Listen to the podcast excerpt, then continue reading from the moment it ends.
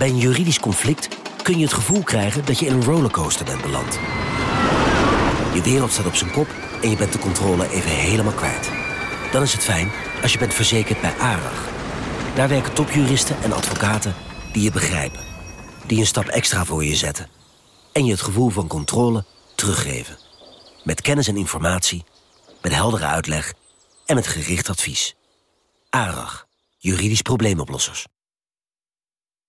Nieuw Aquarius Red Peach Zero Sugar. Met zijn heerlijke frisse persiksmaak zonder suiker draagt Aquarius bij tot jouw dagelijkse hydratatie en helpt zo mee om je vochtbalans op peil te houden tijdens alledaagse actieve momenten. Thuis, op het werk of onderweg. Ook verkrijgbaar in smaken lemon en orange. Probeer hem nu.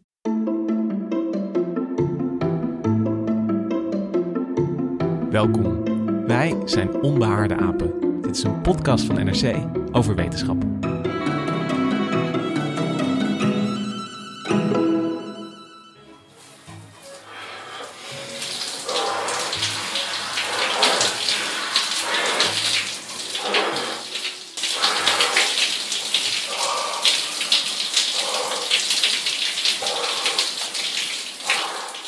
Nou, dat is lekker koud, hè? Ik ril gewoon helemaal mee hier in de Ja. studio met dat geluid. Ja, maar Nee. is dat omdat jullie weten dat dit een koude douche was? Want als, ik, had- jullie hadden, als, als we dachten dat dit een hete douche was geweest, dan hadden we het misschien weer de andere kant op Heb je die man horen hegen? Ja, waar Nee. is dat hijgen voor? ja, dan probeert hij zijn spieren aan te spannen om, om dus de kou te weerstaan. Ja. Maar eh, ja, de vraag is of het werkt, zo'n koude douche. Ja, want, wa- want waarom neemt deze eh, persoon uit dit filmpje een koude douche? Hij wil eh, zich harder tegen de kou. Dus jij was het niet zelf, Sander. Ik was het niet zelf, nee. Maar ik neem wel eens een koude douche. Ja. En ik bedoel, je zegt wapenen tegen de kou, maar op, op welke manier dan? Nou, eh, door zijn eh, huid te trainen, waardoor hij eh, beter tegen de kou kan. Maar ook door te proberen om zijn interne kacheltje op te stoken. En dat is het bruine vet. Ja, bruin vet. Dat is het onderwerp van de aflevering van vandaag. En eh, vet heeft een slecht imago. Ehm, maar na deze aflevering hebben we een eh, genuanceerder beeld van eh, vet. Ja, want er zijn verschillende soorten in ons lichaam. Ja, en daar ga jij ons eh, alles over vertellen, Sander. Je bent al één keer eerder aangeschoven in een podcast over de Nobelprijzen. Maar vertel nog even wie je bent en waarom je hier zit. Ik ben medisch redacteur van de wetenschapsredactie. En nou, ik heb een boek geschreven, dat heet IJzeren Wil. Dat gaat over de wetenschappen achter deurvals. En het eerste hoofdstuk gaat over mensen die zich dus heel erg eh, inspannen om beter tegen de kou te kunnen. Ben jij zelf ook een deurval? Eh, nou, een heel klein beetje hoor, soms. Ja. Maar eh, niet zo extreem als die mensen in mijn boek. Gemma, jij bent er ook weer bij. Biologie-redacteur en daarom ook aangeschoven voor eh, deze aflevering. Dol op vet in alle kleuren en soorten. Fijn dat je er weer bent en eh, mijn naam is eh, Lucas Brouwers. Ehm, ja, Sander, bruin vet hebben we het over. Eh, dat is om het te onderscheiden van een andere kleur vet, neem ik dan aan. Ja, wit vet, uiteraard. Dat kennen we allemaal. Ja. Maar bruin vet zit een beetje dieper in je lichaam, verborgen. En eh, het zit bijvoorbeeld onder je sleutelbeenderen, in je nek, langs je ruggenwervels. Ja, en, en als we het over eh, wit vet hebben, dat zeg je, dat is het vet dat iedereen kent. Dat is het vet dat op onze billen, heupen, buik, eh, Ja. op, op al die plekken zit waar we het eigenlijk meestal niet willen Nee. hebben. En het vetrandje op je bord als je ontbijtspek hebt of zo. Ja, Dat is, dat is ook het normale witte vet Ja. eigenlijk. Ja. En jij zegt al van, eh, nou ja, sommige mensen nemen dan zo'n koude douche om dat, eh, dat kacheltje aan te stoken. Want dat is het idee van bruin vet. Dat dat eh, niet is om ons, om ons warm te houden, maar eh, echt om van binnenuit energie te produceren. ja bruin vet is eh, dus wel een soort vetcel, maar die slaat het vet niet alleen op, maar kan het ook verbranden en daar warmte uit vrijmaken. Oké, dus, dus je hebt, als je dat witte vet hebt, nou ja, op je billen zitten, dat, dat, is een, dat is vetopslag, mag ik het zo noemen? Ja, dat is eigenlijk passief vet, Oké. als je het zo wil zeggen. Ja, En dat bruine vet is actief vet. En eh, nou ja, laten we even luisteren naar iemand die, eh, eh, die, die zegt hoe dat vet ons warm kan houden als we het koud hebben. Ja, Ronald Kahn, een onderzoeker bij een diabetescentrum van Harvard University. But the body actually has more than one type of fat. It also has a second kind of fat called brown fat. While white fat stores energy, brown fat burns energy. In fact, it burns an awful lot of energy. As little as two ounces of brown fat, when fully stimulated, can burn up to four to 500 calories of energy a day. Ja, met twee pond, of uh, twee ons bruin vet kun je dus al heel wat energie verstoken, zegt, uh, zegt Kaan hier. Is, is dat ook wat er, wat er gebeurt? Is, is, is, dat, is dat vet altijd actief? Nou, uh, vooral baby's hebben uh, bruin vet wat heel actief is. Want baby's hebben moeite om zichzelf warm te houden. Ze hebben nog niet zoveel spek op hun lijf. Ze zijn heel klein en verliezen daardoor veel energie. En bruin vet helpt hen om hun lichaamstemperatuur op peil te houden. Maar nog even voor mijn begrip, hè? want als je zegt baby's hebben nog niet veel vet, ik zie dan toch meteen zo'n soort mollige baby vormen. Maar oogt bruin vet wel gewoon als een vetlaagje? Want jij zei net van het zit bij je sleutelbeenderen. Waar staat het ook weer allemaal? Ja, het zit diep in je lichaam. Ja, dus dat zie je eigenlijk niet Dat zie je niet aan de buitenkant. Nee. Dus als ik een beetje een spekkige baby vast heb, dan is dat wel ja, dat is echt... allemaal uh, wit vet. Ja. En baby's krijgen vaak pas uh, een beetje spek op, op hun lijf als uh, wat meer eten, hè? Dus bij, ja, dus vanuit de moedermelk ja, ja, dan. precies. Ja. Dus, dus dit vet zit eigenlijk opgeslagen diep in dat babytje en uh, zit, zit, daar te, te, stoken. Ze worden daarmee geboren, ja. En zelfs, uh, het is ook best veel voor een baby, want 5% van hun lichaamsgewicht is bruin vet. 5%? Ja. En hoe zit dat dan uh, bij ons, bij jou en mij? Ja, helaas, Lucas, wij verliezen het. We hebben helemaal geen bruin vet meer, of... Wel, we hebben het nog wel, maar uh, naarmate je ouder wordt, uh, wordt het steeds minder. Dus minder dan 1%? Uh, ik weet niet hoeveel precies, maar het is niet veel meer. En wit vet? wit vet? ja, nu begreep je op glad worden, ijs natuurlijk. Om wit vet wordt, worden kilo's. Dat, ja, maar ja. Dus, dus, dus, dat kan echt wel 5% van ons lichaam uitmaken nu Nog als veel meer, veel meer. Mhm. Mm. Ja. Dus er zit een, een soort natuurlijke verschuiving eigenlijk in de levensloop van de mens. Van, van je wordt geboren met met bruin vet. En uh, die, die verhouding tussen, tussen bruin en wit, die gaat eigenlijk, nee, die slaat steeds, steeds meer uit naar wit vet, naarmate ja. je ouder wordt. Ja. En ja. hoe gaat dat eigenlijk even met witte cellen? Want je eet en je eten wordt dan opgeslagen in die vetcellen die al in je lijf zitten. En maak je dan extra veel vetcellen aan als je extra veel vet eet? Ja, de, de energie wordt omgezet in vetzuren en die worden opgeslagen in je witte vetcellen. Voor later gebruik natuurlijk. Want dat is ook, want jij noemt net bruin vet is om energie, om, om te verbranden eigenlijk. Ja. Maar vanuit die witte vetcellen halen we ook energie. Ja, dat moet dan weer uh, naar de lever getransporteerd en daar weer verder verbrand. Is het, is het cruciale verschil tussen bruin en wit vet dan dat dat bruine vet het lokaal kan verbranden? Terwijl dat, dat witte vet, dat dat meer een, een, een soort uh, externe opslag is? Ja. Ja, de bruine zijn ja. zelfredzamer. Ja. ja. ja. Dus, dus dat en, is eigenlijk het grote, uh, het grote onderscheid. Ja, en zij kunnen het uh, ook heel snel. Dus uh, dat is echt een hele snelle reactie, waardoor ze veel warmte kunnen produceren. Dus, het, dus als de lichaamstemperatuur van zo'n babytje zou dalen, dan, dan kan het bruine vet snel in actie komen. Ja, bijspringen. Ja. En waarom dan? Hoe kan het dat die bruine vetcellen meteen zelf actief kunnen worden? Uh, nou, dat is allemaal met uh, zenuwen geregeld. Dus via het onbewuste zenuwstelsel wordt dat geactiveerd. En, en is het zo dat je dat, nou ja, als je zo'n zo'n koude baby hebt, als je dat dan, kun je dat dan gewoon ook voelen? Van, van, van dat, dat er op lokale plekjes, dat er dan nee. warmte uitlekt? Of, of heb ik het dan... Ik brand mijn vingers nu ja. aan zijn sleutelbeenje. Ja. Nou, dat, uh, dat is wel eens wat je je voorstelt, maar dat is echt niet te voelen aan de buitenkant. Nee. Ja, dus het, nee, het, het, want uh, ze hebben het eigenlijk gezien door uh, scans te maken waar mensen bijvoorbeeld uh, glucose verbranden. En dan kun je zien waar het bruine vet actief is. En, en dan vind je die plekken. Dus je, Ja. hebt, je hebt ze al even genoemd, sleutelbeen, uh, rondom de... uh, de hals, bij de, de nieren en uh, rond de aorta. Het zijn Ja. allemaal, allemaal plekken die we ook niet normaal gesproken associëren met normaal vet. Dus daar vind ik het een Nee. beetje gek dat dat... Het eh, zijn heel vreemde plekken, ja. ja, ja. Dat, dat dat bruine vet is. is, is zit het dan... eh, zijn dat plekken dicht bij een bloedbaan of zo, dat ze hun warmte snel kunnen afgeven? Ja, dat heeft dus alles te maken met de kerntemperatuur. Dit is dus echt een kachel die aan de binnenkant zit. En eh, ja, je huid is eh, de buitenkant. Dus dat is voor de isolatie. De kachel zit binnenin. Oh, dus het is ook, als je de, het witte vet zie je echt als een, als een soort isolatielaagje. Dus dat, dat, dat, Ja. moet, dat moet op die, eh, ja, die plekken die naar buiten steken. Zoals, eh, zoals Ja. heupen en, en, en dijen en buiken. Ja, En eh, dat, dat bruine vet, die kachel, die, die, die verstop je wat dieper in het lijf. Ja. En we moeten het even over hebben, want we hebben het over bruin en wit vet. Maar waar komen die kleuren vandaan? Most of the fat in our body is white or slightly off white and yellowish uh, because it's full of lipid. It's full of triglyceride because that's where we store the energy from the food we eat. When we don't have access to food, we can burn up our fat. But brown fat doesn't have very much uh, stored lipid, not much triglyceride. Instead, it's filled up with uh, mitochondria. Mitochondria are those little parts of the cell that are important uh, for burning energy. So this fat burns energy rather than stores energy.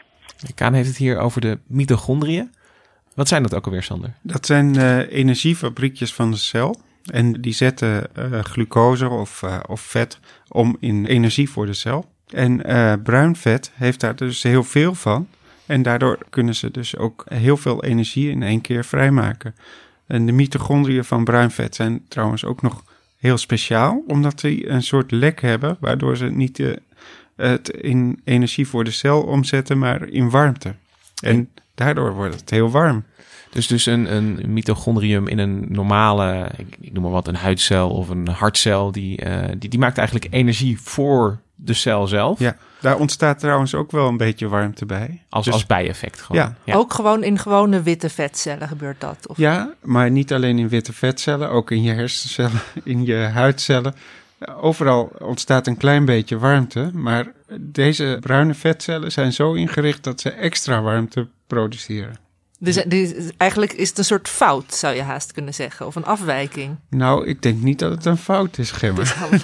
Een, een, lifehack zou, zou ja, de zelf zeggen. Eigenlijk zou het heel handig zijn als al onze cellen zo'n lek zouden hebben. Want dan zouden we allemaal Nou, zouden we het dan warm niet zijn. veel te warm krijgen? Ja, dan zouden we echt eh, zeker onbehaarde apen Ja. moeten zijn. Zouden allemaal naakt over straat moeten. Maar het is dus, eh, de- deze bruine vetcellen doen de mitochondriën dus iets anders dan normaal. Ze zijn er dan echt voor om warmte te maken. Ja. Dus, dus we- wat, wat in alle andere cellen zeg maar een, een bijverschijnsel is, Ja. eh, is gepromoveerd tot eh, hoofddoel in, in deze bruine vetcellen. Ja. Kun je dan ook te veel bruin vet hebben? Stel dat je nou in je lichaam op de een of andere manier heel veel bruine vetcellen hebt, dat je dan oververhit raakt? Zijn daar Eh, voorbeelden van? Nee, niet dat ik weet. Er zijn wel tumoren van eh, bruin vetcellen. Maar ja, dat is vrij zeldzaam en daar heb je ook niet zo heel veel last van. Het is gewoon een warm bultje wat er dan ontstaat. En dat kunnen ze weer makkelijk weghalen. En ik, ik vind het wel bijzonder dat we dus twee soorten vet eigenlijk in ons, eh, in, in ons lijf hebben. Ja. Het, het ene kennen we allemaal, het andere kent bijna niemand. Hoe meet je het? Hoe kom je erachter dat er, nou ja, dat, dat, dat daar die, die, eh, dat, dat hele gekke vet eh, zit te stoken? Je moet mensen dan in een scanner leggen. En dan meet je dus de opname van glucose in die vetcellen. Want bruin vetcellen nemen heel veel glucose op. En die zie je dus op de scan als een zwart vlekje.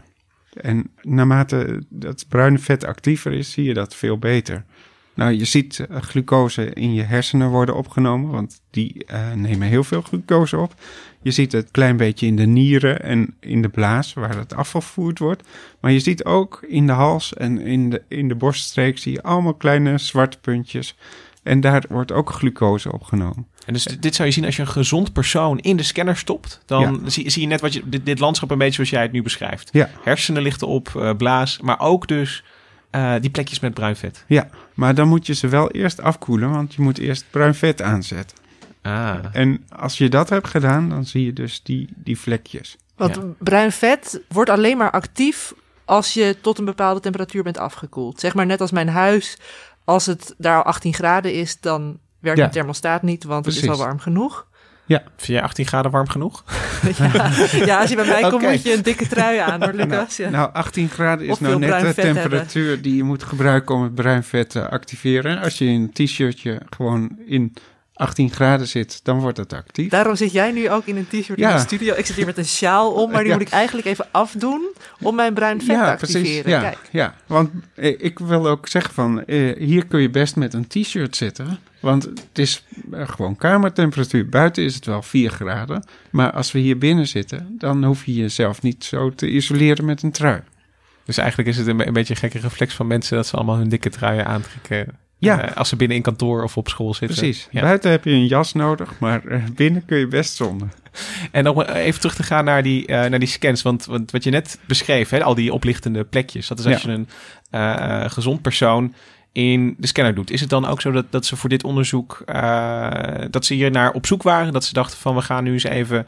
Nou ja, op zoek naar alles wat, wat energie verstookt in het lijf. En gaan we gewoon gezonde... Nou, eigenlijk niet, want eerst dachten ze van eh, baby's hebben bruin vet en we zien het eigenlijk niet meer in overleden personen eh, die ouder zijn. En eh, we, we dachten, nou, het gaat gewoon verloren.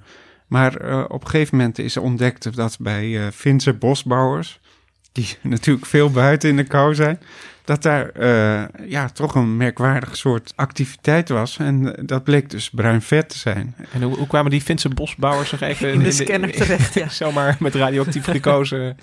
Nee, ze hebben natuurlijk gewoon eerst gekeken wat is hier aan de hand en hoe komt het dat die mensen zo goed tegen de kou Ah. Die stonden daar Ja. lekker inderdaad in hun t-shirtje in de sneeuw eh, hout te hakken. Ja, nou ja, je krijgt het natuurlijk best wel warm van het hout hakken. Maar ik denk dat ze gewoon eh, wel een jas aan hadden bijvoorbeeld, maar ontzettend veel in de kou waren. En Ja. daardoor actief bruin vet hadden. Ja, en later hebben ze dat ook nog bij onderzoek eh, naar eh, kankerpatiënten gezien. Want die moeten dan een soort scan eh, doen om te kijken of er eh, uitzaaiingen zijn. En dat gaat ook met radioactief glucose. En Oh, het is radioactief. Ja, dus het is niet Ja. zo dat we allemaal eventjes wekelijks ons bruin vet kunnen meten. Nee, nee, dat is nogal ingrijpend om dat te meten. Maar, maar goed, eh, daar zagen ze dus bij sommige mensen die dus iets te lang op de tafel hadden gelegen en eh, behoorlijk waren afgekoeld, dat ze ineens hele rare zwarte vlekjes hadden in hun hals. De eerste gedachte is natuurlijk dat zijn uitzaaiingen Ja. of zo. Van als je, als je Maar- die test aan het doen bent. Ja. Maar dat bleek dus gelukkig niet het geval. Het was gewoon eh, hun bruine vet wat aansloeg. Ja, de- en, en dat weten we nu, dat het gewoon het bruine vet was dat aansloeg. Maar ik bedoel, dat daar gaat natuurlijk een hoop gepuzzel aan, aan, Ja, aan precies, achteraf, ja. eh, Ja. denk ik. Want, want, je ziet, ik bedoel, het begint met gekke plekken op een scan. En eh, nou ja, wat er allemaal, eh, wat, wat jij hier zo mooi laat zien, dat, dat, dat, dat was er natuurlijk niet. Want over welke tijd sp- spreken we als, als we het hebben over...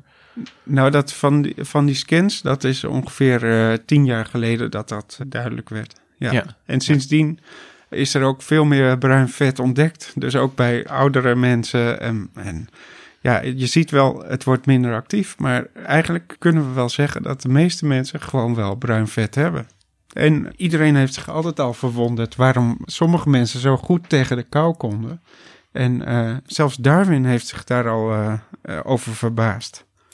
Ik kan wel een stukje voorlezen. Nou, over, heel graag. Ja? Ik, ik, Darwin kon mooi schrijven, dus in zijn dagboek. Ik kan een stukje voorlezen uit, eh, uit The Voyage of the Beagle. Eh, dat is het eh, reisboek van Darwin. Dat waarin verscheen voor de Origin of Species, toch? Ja, Ja. ja, zeker. En hij ging toen op een boot, de Beagle, rond Zuid-Amerika varen. En daar kwam hij bij Vuurland een volk tegen en hij keek zijn ogen uit. Darwin was er echt onthutst van. Maar deze vuurlanders in de kano waren bijna naakt en een volwassen vrouw droeg helemaal geen kleren. Het goot en het koude water druppelde samen met de regen van haar lichaam af. In een andere haven, even verderop, kwam op een dag een vrouw langs zeil die een pasgeboren kindje zoogde. Ze bleef nieuwsgierig even kijken terwijl er sneeuw viel en ontdooide op haar blote boezem en op de huid van de naakte baby. Darwin kan er met zijn hoofd niet bij.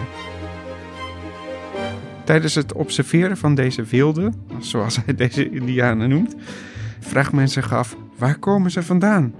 Wat kan hen hebben verleid of welke verandering heeft deze stam ertoe gebracht de aangename leefgebieden van het noorden te verlaten? Darwin snapt er helemaal niets van. En nu is het natuurlijk verleidelijk om te denken dat Darwin misschien toen al dacht van misschien gaat het om een biologische aanpassing. Hè, van, want hij, hij zat misschien al met, met ideeën over evolutie in zijn hoofd. Maar ja. eigenlijk, als ik goed naar jou geluisterd heb, is het best normaal dat, dat babytjes, zelfs als het heel erg koud is buiten, uh, nou ja, zichzelf best wel warm kunnen houden als ze tenminste genoeg gevoed worden. En uh, ja, dankzij hun bruine vet eigenlijk. Ja. Hieruit maak ik dus ook op dat, uh, Sander, jij zit hier in een t-shirtje in de studio. Ik zit met een dikke sjaal om. Dat heeft er ook mee te maken dat jij dan misschien meer bruin vet hebt dan ik. Kan ik dat dan zo concluderen of is dat te kort door de bocht? Dat mensen met veel bruin vet beter tegen kou kunnen? Dat laatste is wel waar, maar je kunt niet zomaar zeggen van uh, jij hebt meer bruin vet dan ik. Dat is gewoon, uh, dat zou je moeten meten. Het is ook een beetje van wat is oorzaak, wat is gevolg heb je meer bruin vet en kun je dus beter tegen kou? Of kun je jezelf ook ja, om het even bruin vet... Ja, om even terug te pakken naar die vuurlanders inderdaad. Van, van waar dat dan inderdaad mensen met, uh, met, met, kilo's uh, bruin vet in de nek... Of, uh, dat zou heel goed kunnen, maar wat ook bekend is, is dat die vuurlanders zich insmeerden met zeehondenvet bijvoorbeeld. Ah, ja. Dus ze deden ook wel iets aan hun huid. Dan kom je weer bij de isolatielaag eigenlijk. Ja. Dus, en, en hoe zit dat dan eigenlijk? Want we hebben het net wel even gehad over baby's. Die zijn klein, hè? veel huid, weinig inhoud. Dus uh, kunnen makkelijk warmte verliezen. Maar zou je dan ook kunnen zeggen van hoe groter je bent, hoe minder bruin vet. En misschien ook hoe, hoe meer wit vet je hebt, hoe minder bruin vet? Ja. Omdat dat isolerend werkt en je thermostaat dan dus eigenlijk minder wordt aangesproken. Ja, precies, ja. Maar als, als ik nog even mag uitpakken wat jij, want, want, want je zegt het heel cool, maar dat is, dat is best een fundamenteel wiskundig principe bijna. Dat, dat als je een, een, een bol of een kubus twee keer zo groot maakt, uh, dat, dat de oppervlakte dan veel, veel sneller toeneemt dan... Uh, wacht, nu moet ik het goed zeggen.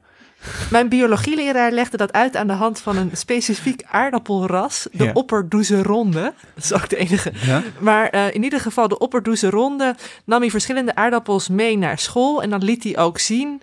En die moesten we dan geloof ik ook weer doormidden snijden. En dan, zei hij, dan liet hij aan de hand van die aardappels zien dat dus uh, oppervlak en inhoud uh, Nee, als je een mens twee keer zo groot maakt, dan neemt de inhoud veel sneller. ik, ik, ik heb hem bedacht in de tussentijd. Uh, de, als je, als je, een, uh, als je een, een, mens twee keer zo groot maakt, dan neemt zijn inhoud veel meer toe en zijn oppervlakte steeds minder. Dus bij kleine mensjes, baby's, die hebben relatief gezien veel uh, oppervlakte ten opzichte van hun inhoud, vergeleken met ons. Dat, is gewoon, dat zijn gewoon natuurwetten. Ja. Dus, dus daar zit misschien iets in dat, dat zo'n klein lijfje gewoon meer ja, kachel nodig heeft om überhaupt warm te blijven. Ja, zeker. En, en uh, uh, een baby uh, beweegt nog niet zo heel veel zoals wij doen. Hmm. Dus een rondje hard, hardlopen zit er niet in.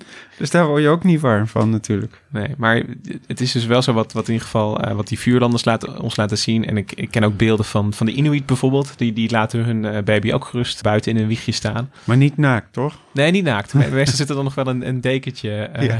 Dit is een hele geruststelling voor mijn moeder die mij een keer in mijn kinderwagen heeft vergeten. In, de oh, buiten de Albert Heijn. Maar dan, uh, nou ja, ik was veilig dankzij mijn bruin vet, kunnen we zeggen. nou ja, ik, ik, misschien moeten we een beetje oppassen voordat we uh, jonge ouders gaan adviseren om hun kinderen buiten te zetten. Maar ik, bedoel, een baby kan meer dan, dan we misschien denken. Die kan zichzelf... Uh, want ik, ik, denk dat de meeste mensen niet weten dat, dat hun babytje uh, zo'n kacheltje in zich heeft. Ja, bij baby's moet je ook oppassen dat je niet uh, last krijgt van oververhitting. Oh, dus ja. dat, dat, als, je, als je hem wel goed inpakt, dat hij dan... Uh... Als je een baby te goed inpakt, dan wordt hij veel te warm. Ja, ja, ja dat is wat ik net vroeg inderdaad. Van, kan het ook gevaarlijk zijn? Kun je te veel bruin vet hebben? Maar ja, maar ik denk niet dat het dan ligt aan het bruine vet, maar aan het feit dat we die baby zo inpakken. Ja, en, maar dat wel, ja. ja. En, en als je kijkt naar, naar dieren bijvoorbeeld, hebben die ook bruin vet? En zie je dat dan ook vaker terugkomen bij kleine dieren ten opzichte van beren of uh, wolven bijvoorbeeld? Ja, zeker. ja. ja. Ja, kleine dieren, kleine zoogdieren uh, hebben veel bruin vet. En uh, ja, ik geloof zelfs de, de kampioenen met naar verhouding het meest bruine vet is, zijn vleermuizen. Oké. En ook de naakte molrat. Die die net als wij geen haar heeft. Dus Een, on- een onbehaarde rat. Onbehaarde. on- onbehaarde rat. Ja. Ja. Ja. En, en is het dan zo dat... eh, je zegt al, je, je zei al, kleine zoogdieren hebben het ook. Is het een, is het een zoogdieruitvinding, dat bruine Ja. vet? ja. Reptielen en vogels hebben... eh, Voor zover ik weet is dat niet zo. Nee, nee. Ja. het zijn echt de, eh, de, de endotherme dieren die dat hebben. Ja. wat, we- ouderwets warmbloedig? Of, of Warmbloedig, ja. Ja. ja. zeker. als ik het nog even naar mijn eh, middelbare school eh, mag praten. Is bruin vet ook lekker? Zit ik, ik, ik zit nu even te denken, omdat Je- we je wil natuurlijk het dieren eten. Je wilt ja, het op je bord doen. nou ja, stel dat je een, een konijn eet. eh, nou, misschien een Ja, ik vind het een hele goede vraag. Sander, is Ja. bruin vet lekker? Nou, ja, ijzerrijk. ik heb het nog nooit gegeten, eh, bij mijn weten. Maar ja, misschien zit het wel in je jus als je, als je speklapje praat. En als je bruin vet eet, krijg je dan ook extra bruin vet binnen? Nee, nee. zo werkt het dan nee, niet. zo Ja. werkt het niet. Nee. Nou ja, we eten misschien ook weinig bruin vet omdat we weinig kleine dieren eten, denk ik dan. Ja, Ik bedoel, niemand eet veel muis Ja. eh, of, of, of vleermuis. maar volgens mij is daar nog heel weinig onderzoek naar gedaan. En, en, en heeft het ook nog te maken dat dieren die een winterslaap houden, dat die extra veel bruin vet ja, nodig dat hebben? klopt inderdaad, ja. Want die hebben natuurlijk een hele lange periode die ze moeten overbruggen. En dan zijn er twee manieren om jezelf een beetje warm te houden. Dat is of isolatie, of inderdaad een klein kacheltje... wat je op een laag pitje mee laat draaien. Ja, dus heel veel van dat lichaam is dan inactief, maar Ja. juist die mitochondriën in die bruine vetcellen, die, die maken overuren dan. Ja, maar het blijft wel allemaal op een laag pitje, hè? want ze houden niet de 37 graden aan. Nee. Maar eh, Een ze beer in zitten winterslaap, die, za- die Ja. zakt behoorlijk in Ja. eh tientallen Ja. graden. 10 graden, ja. ja. En, en, dan- en- maar dan moet natuurlijk wel iets, het, het licht moet wel aanblijven bij Ja, de- in, in het precies. lichaam van de Ja. beer. Dus, dus, Ja. dus vandaar dat je, dat, Ja. je, hem- dat je hem zo op, eh, een beetje op de, Klein beetje bijstoken is genoeg. Ja. een beetje in zijn vrij laat draaien, zeg Ja. maar. Die beer. Ja, en we krijgen het dus niet binnen door kleine dieren te eten, maar is er een manier waarop wij ons bruin vet kunnen stimuleren? Nou, ja, mensen hopen dat natuurlijk wel. En eh, ja, die gaan dan eh, daarvoor trainen. Er is ook wel eens onderzocht dat, dat vrouwen juist meer bruin vet hebben dan mannen. Maar eh, dat heeft meer te maken met de extremiteiten. Dus de doorbloeding van je handen bijvoorbeeld en je, en je voeten. Want koude handen, koude voeten, dat is echt een vrouwenkwaal. Ja, dus daar Ja. heb ik niks aan eh, Nee. bruin vet. Ja, want dat, zit- dat zit eigenlijk te ver weg van, van die plekken waar het bruine vet zit. Ja. Daar, daar, daar kun je niet Ja. tegenop stoken bijna. Nee. Nee. Om nog heel even, want, want we hoorden inderdaad in het begin die, die, die man die de koude douche nam. Het, het eh, bruine vet wordt wel, ja, als je kijkt van, van hoe wordt dat nou gebruikt door sommige mensen of, of geframed. Het, het, het wordt wel bij, bij mensen die een soort, eh, die, die koude trainingen geven, zoals Wim, Wim Hof. Ja, Die- die- de ijsman. De IJsman, wel een bekende, Ja. ook, ook eh, in je boek een prominente rol. Ja. Ehm, ja, die, die, die zijn er wel heel erg mee bezig, heb Ja. ik soms het gevoel. Waar ter wereld hij ook komt, hij wordt begroet met luid applaus en grote verwondering. Hij breekt het ene wereldrecord na het andere. This man's mind is different from anybody else's. That's the only thing I can surmise. He's the pride of Holland. Inmiddels heeft hij al 21 records op zijn naam staan. Zo loopt hij de halve marathon op de Noordpool zonder schoenen. Hij zwemt met het grootste gemak onder het ijs. En hij beklimt de Kilimanjaro en de Mount Everest in korte broek. Wim Hof doet het onmogelijke. En daarmee trekt hij de aandacht van de internationale pers. En natuurlijk van de wetenschap. Want wat gebeurt er toch in zijn lichaam dat hij dit allemaal kan? Ja, de, de trots van Nederland, als ik de Amerikaanse eh, aankondiger goed heb verstaan eh, net. Eh, Wim Hof, de IJsman. Ja. Eh, hij is wetenschappelijk ook doorgelicht, toch? Ja, Hij, ja, in Maastricht, ja. Ja. En het leuke is, hij heeft een tweelingbroer die een totaal andere levensstijl heeft dan, dan hij. Hij is heel sportief. En, Eén eh, eiig of twee eiig? eh, twee-eiig, dacht ik. Maar goed, hij is heel sportief. Zijn broer is eh, vrachtwagenchauffeur en die eet ook eh, Zoals een vrachtwagen. zoals een vrachtwagenchauffeur eet. Veel langs de weg bedoelen we Ja, daarmee, mensen. ja. maar goed, eh, ze bleken eigenlijk eh, in dat onderzoek vrij vergelijkbaar. Ze hadden, zou verwachten bij hun leeftijd, eh, bijna 50. En ja, ze, ze waren dus wel beter in staat om de kou te verdragen. Maar dat bleek dus niet allemaal aan het bruine vet te liggen, maar ook omdat ze allerlei ademhalingsoefeningen deden, waardoor ze zichzelf een soort van opwarmden van binnenuit. Nou ja, we hebben het gehad over die koude douche en dan zo snel afdouchen dat dat eigenlijk helemaal uh, niets te maken heeft. En nou ja, je zegt net wel van, goh, hij heeft naar verhouding ietsje meer bruin vet, maar maar uh, niet Nou, hij veel, kan maar- wel ontzettend goed eh, tegen de kou. Hè? Hij kan in zo'n ijsbad gaan zitten, houdt hij drie kwartier vol. Ja, want dat, dat vroeg ik me af Ja. inderdaad. Van hoe lang, hoe lang doet dat? Is het even een kwestie van erin of eruit? Eh, nee, nee, hij is maar echt... is niet zo- eh, En, en hoe zit het daarna bijvoorbeeld ook met zijn huid? Trekt die dan ook samen? Is dat dan ook weer wat jij eerder zei? Nou ja, waar, waar het om gaat is eh, in je lichaam de, de kerntemperatuur op peil houden. En dat kan hij dus heel goed. Eh, dat, dat doet hij eh, waarschijnlijk niet alleen met zijn bruine vet, maar dus met de ademhaling. Maar ook met, eh, met zijn huid, die eh, door de gewenning heel erg getraind is en goed isoleert. En wat je dan ook ziet als hij uit dat ijsbad stapt. Ik heb wel eens een interview met hem gezien, dat hij klappert dan met, met een handdoek om. Ja, we gaan drillen. Ja, en wat, hoe komt dat? Omdat dan zijn huid weer gaat ontspannen, de doorbloeding Ja. komt weer op gang, maar dan zakt die kerntemperatuur meteen. Dus zij moet gaan bewegen om alsnog warm te blijven. Ja. Hier is het goed. Maar hier is het al eh, zwakker. Het is met die dagen.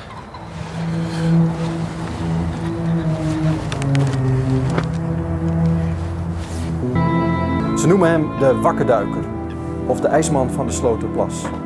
Probeer dit nooit na te doen. Waar kijk je dan naar? Ja, of de stoom afkomt.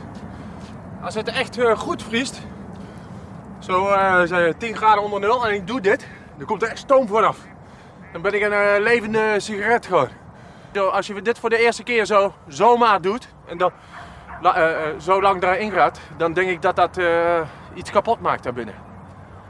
Tien jaar geleden zat ik ook eh, van die ademhalingsoefeningen te doen. En dan ging ik minuten onder water zitten, in een foetushouding. Maar eh, aan de kant dan, hè? Dan lijkt het net alsof er, een, eh, alsof er een lijk in het water ligt. Dus de mensen gingen politie bellen en dan kwam de politie langs. Om te kijken of dat echt zo was, hè? Maar ja, god, ja. Op een gegeven moment kenden ze me. Dan werd ik gewoon gedoogd en zo. Ja, is die man die het ijs in gaat en die oefeningen doet en zo. Van de ijsman van Sloterplas naar de Pride of Holland. Ik bedoel, de Ja. reputatie van Wim Hof is wel op vooruit gegaan. Ja. Maar om nog, eh, eh, ja, om nog heel even, want, want we hoorden inderdaad in het begin die, die, die, die, eh, die man die de koude douche nam. Nou, Het- het- Ik denk persoonlijk dat dat douchen nog niet zo heel veel effect heeft. Want wat je doet is dan twee minuten koud douchen. Nou, dan eh, koelt je huid af en je hebt, krijgt het behoorlijk koud. Maar wat je huid doet is eh, samenknijpen en eh, isoleren. Dus eigenlijk is dat niet genoeg om je bruin vet aan te zetten. Maar je witte vetcellen worden wel aan het werk gezet dan? Of... Nee, nee, je huid, je huid Je huid reageert. alleen, dus ja. de bloedvaatjes knijpen samen. Waardoor je beter isoleert. als het inderdaad samenhangt met de thermostaat en het bruine vet als kachel, dan is het een, een beetje alsof je eh, eh, even het raam eh openzet. Ja, even eh, luchten. een minuutje Ja. en, en dan weer dicht doen. En, en dat, dat is te weinig om, eh, Ja. eh, eh, om het bruin vet echt aan te zetten. Ja, dus je wat je zou moeten doen, en dat, daar heeft eh, eh, hoogleraar humane biologie in Maastricht, Wouter Marken van Lichtenbelt, onderzoek naar gedaan. Dat je dus de temperatuur een klein beetje naar beneden moet doen, zodat het net niet onaangenaam is, maar dat je dus wendt aan een lagere temperatuur. De volgende vraag is: als je weinig bruin vet hebt, kan je het dan vermeerderen? Met andere woorden, kan bruin vet worden aangemaakt? Is het zo flexibel? En kunnen we daarmee ons energiegebruik verhogen?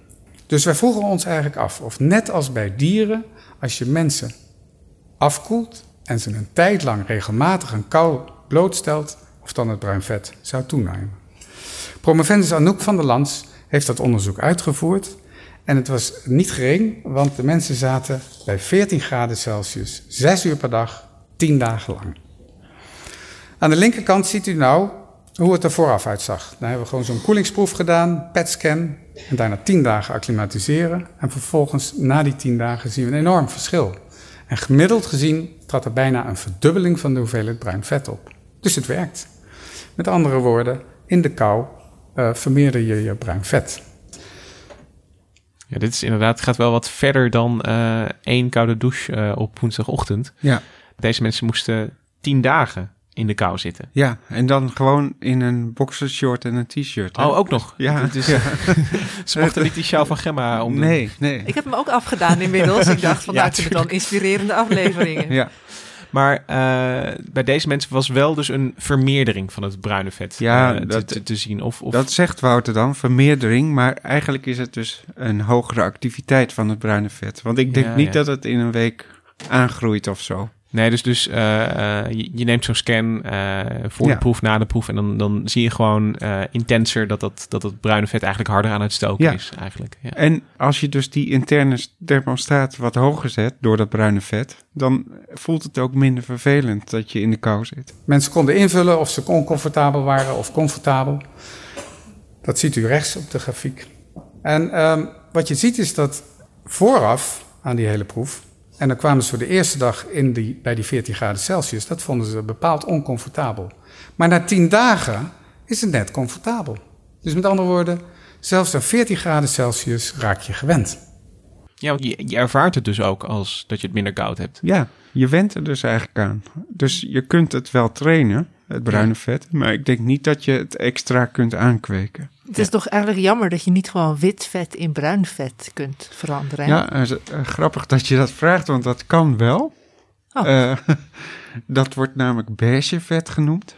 Oké, dus de, hele regenboog aan de vet komt voorbij. Ja, ja precies. Eh beige vet is dan weer eh, eh, wit vet, wat meer mitochondriën krijgt. Vandaar dus dat het een beetje bruiner wordt, beige. Ja. En dat zit dan meer onder de huid. Eh, dat is experimenteel eh, gezien bij muizen. Eh, het kan ook bij mensen. Maar hoe het naadje van de kous precies zit, dat weten we nog Hoe je niet. dat omzet, wanneer dat gebeurt, dat weten mensen niet. Of komt dat ook wel door als je vaak in de kou zit? Ja, dat is een, een belangrijke prikkel.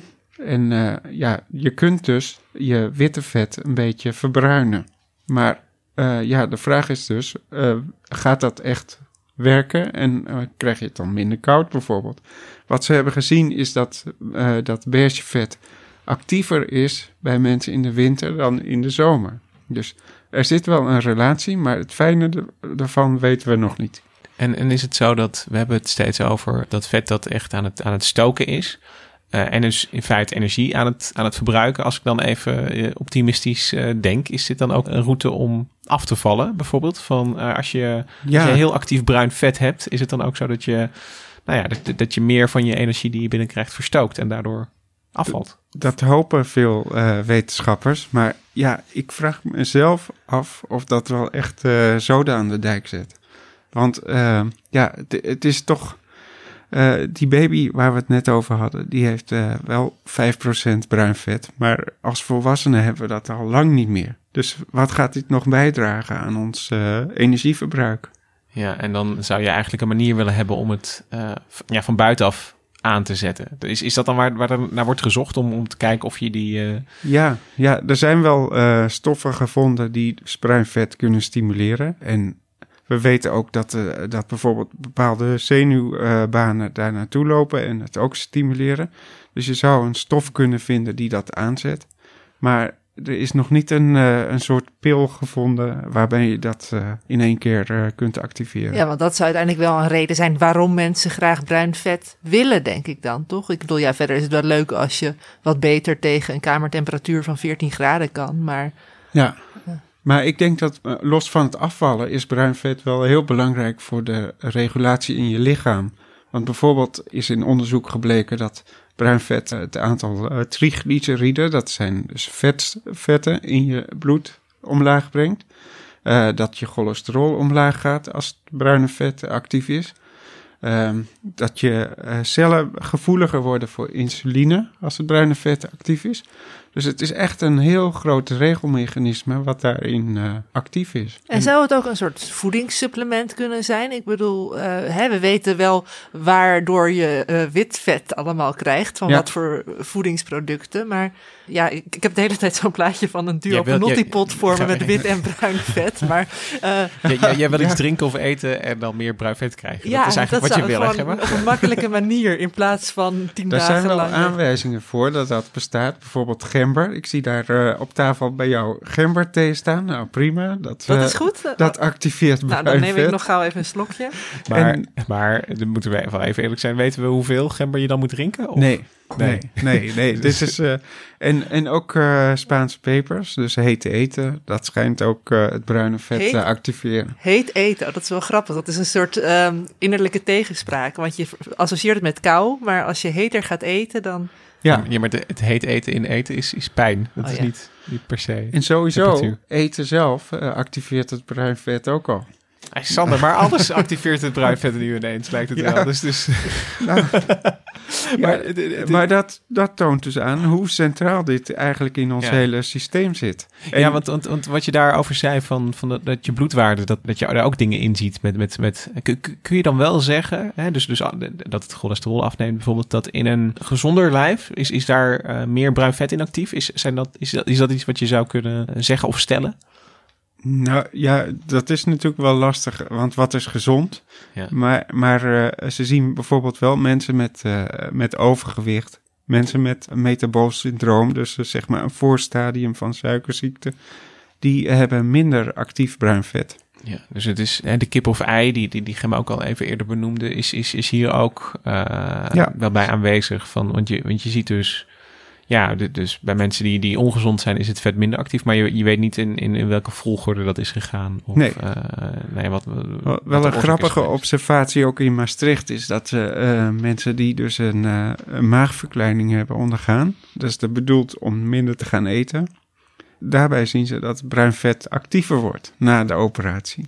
Ja, ja. Dus dan. Dus het idee daarachter is dat ze dan van een isolerend type, dus met veel wit vet om zich heen, ja. gaan ze naar een, uh, een activerend uh, type. Ja, want, want uh, en als je het zo formuleert, dan, dan, dan zie je ook dat het eigenlijk ja, twee alternatieve warmhoudstrategieën ja. zijn, of kunnen zijn in een, in een lichaam. Je maar hebt, je waarbij hebt... de ene dus echt duidelijk gezonder is. En, ja. Het is toch grappig? Het is gewoon precies tegenovergesteld aan wat we allemaal met onze huizen proberen. Die willen we meer isoleren, zodat we minder hoeven te stoken. Ja. En in je lichaam moet het net andersom. Ja, want ik, ik weet nog, uh, toen ik klein was, uh, zeg maar uh, een tiener. Toen was bij ons kamertemperatuur 18 graden, maar tegenwoordig is dat wel 21 graden. Ik weet niet hoe dat bij jullie thuis ging. Nog 18 hoor, ja. Ja, ja, ja bij Gemma nog ja. de 18. Ja. Oh nee, ik, ik, ik, krijg thuis alleen maar 20. Uh, ja, maar jij, jij hebt ook iets dat je niet goed tegen kou kunt, toch? Dat, uh, deze. Ja, je bedoelt mijn allergie, Gemma? Ja, je hebt koude allergie. ja, ik heb een koude allergie, maar die, uh, die, die speelt vooral op bij wind en stromend water bijvoorbeeld. En, oh, ja. en voordat mensen denken van, oh, Lucas is een watje, koude allergie bestaat. Ja, die aflevering die we over kou hebben gemaakt. Ja, precies. Ja. Nou, maar ik dacht voor de mensen die dat misschien nog niet, niet meer paraat hebben, van koude allergie bestaat, het is echt iets. Um, maar 18 graden is dus, zou dus geen probleem zijn, want als je gewoon, ja, dat, dat, daar kan een lijf gewoon prima tegen. Ja, uit de proeven in Maastricht blijkt dat dan in ieder geval je bruine vetten actiever wordt. Dus, ja. zijn, zijn er ook man-vrouw verschillen? Want ik heb toch vaak het idee dat vrouwen het sneller koud hebben. Ja. Uh, ik heb zelf heel vaak last van koude handen. Maar dat lijkt me niet een uh, probleem van het uh, bruin vet. Want ik denk dat, dat er is ook wel eens onderzocht dat, dat vrouwen juist meer bruin vet hebben dan mannen. Maar dat heeft meer te maken met die, de extremiteiten. Dus de doorbloeding van je handen bijvoorbeeld en je, en je voeten. Want koude handen, koude voeten, dat is echt een vrouwenkwaal. Ja, dus daar Ja. heb ik niks aan uh, Nee. bruin vet. Ja, want dat, zit- dat zit eigenlijk te ver weg van, van die plekken waar het bruine vet eh, zit. Ja. Daar, daar, daar kun je niet Ja. tegenop stoken bijna. Nee. D- Dit soort eh, plonzen in het ijs zijn dus niet eh, de truc om je bruine vet eh, te activeren. Maar het is natuurlijk ook, ik bedoel, je hoeft het ook niet af te raden, toch? Nee, maar het is, het is wel een vreemde gewoonte. Eh, Uh, ik denk uh, dat je met, uh, met milde koude, dus gewoon in je t-shirt in binnen zitten, dat je daar ook al wat mee bereikt. Ja. Dus we hoeven ook niet massaal een nieuwjaarsduik te gaan doen binnenkort. Nee, nee. Niet, niet voor de gezondheid in ieder nee. geval. dat is meer voor de kick. Dan krijg je toch weer een beetje dat durf al imago, ja, Sander. Precies, ja. ja. ga jij? Nou, ik heb het nog nooit gedaan en ik uh, heb nog geen plannen om dit jaar wel in het uh, koude water te duiken. Maar het wordt uh, gelukkig wel steeds warmer in Nederland.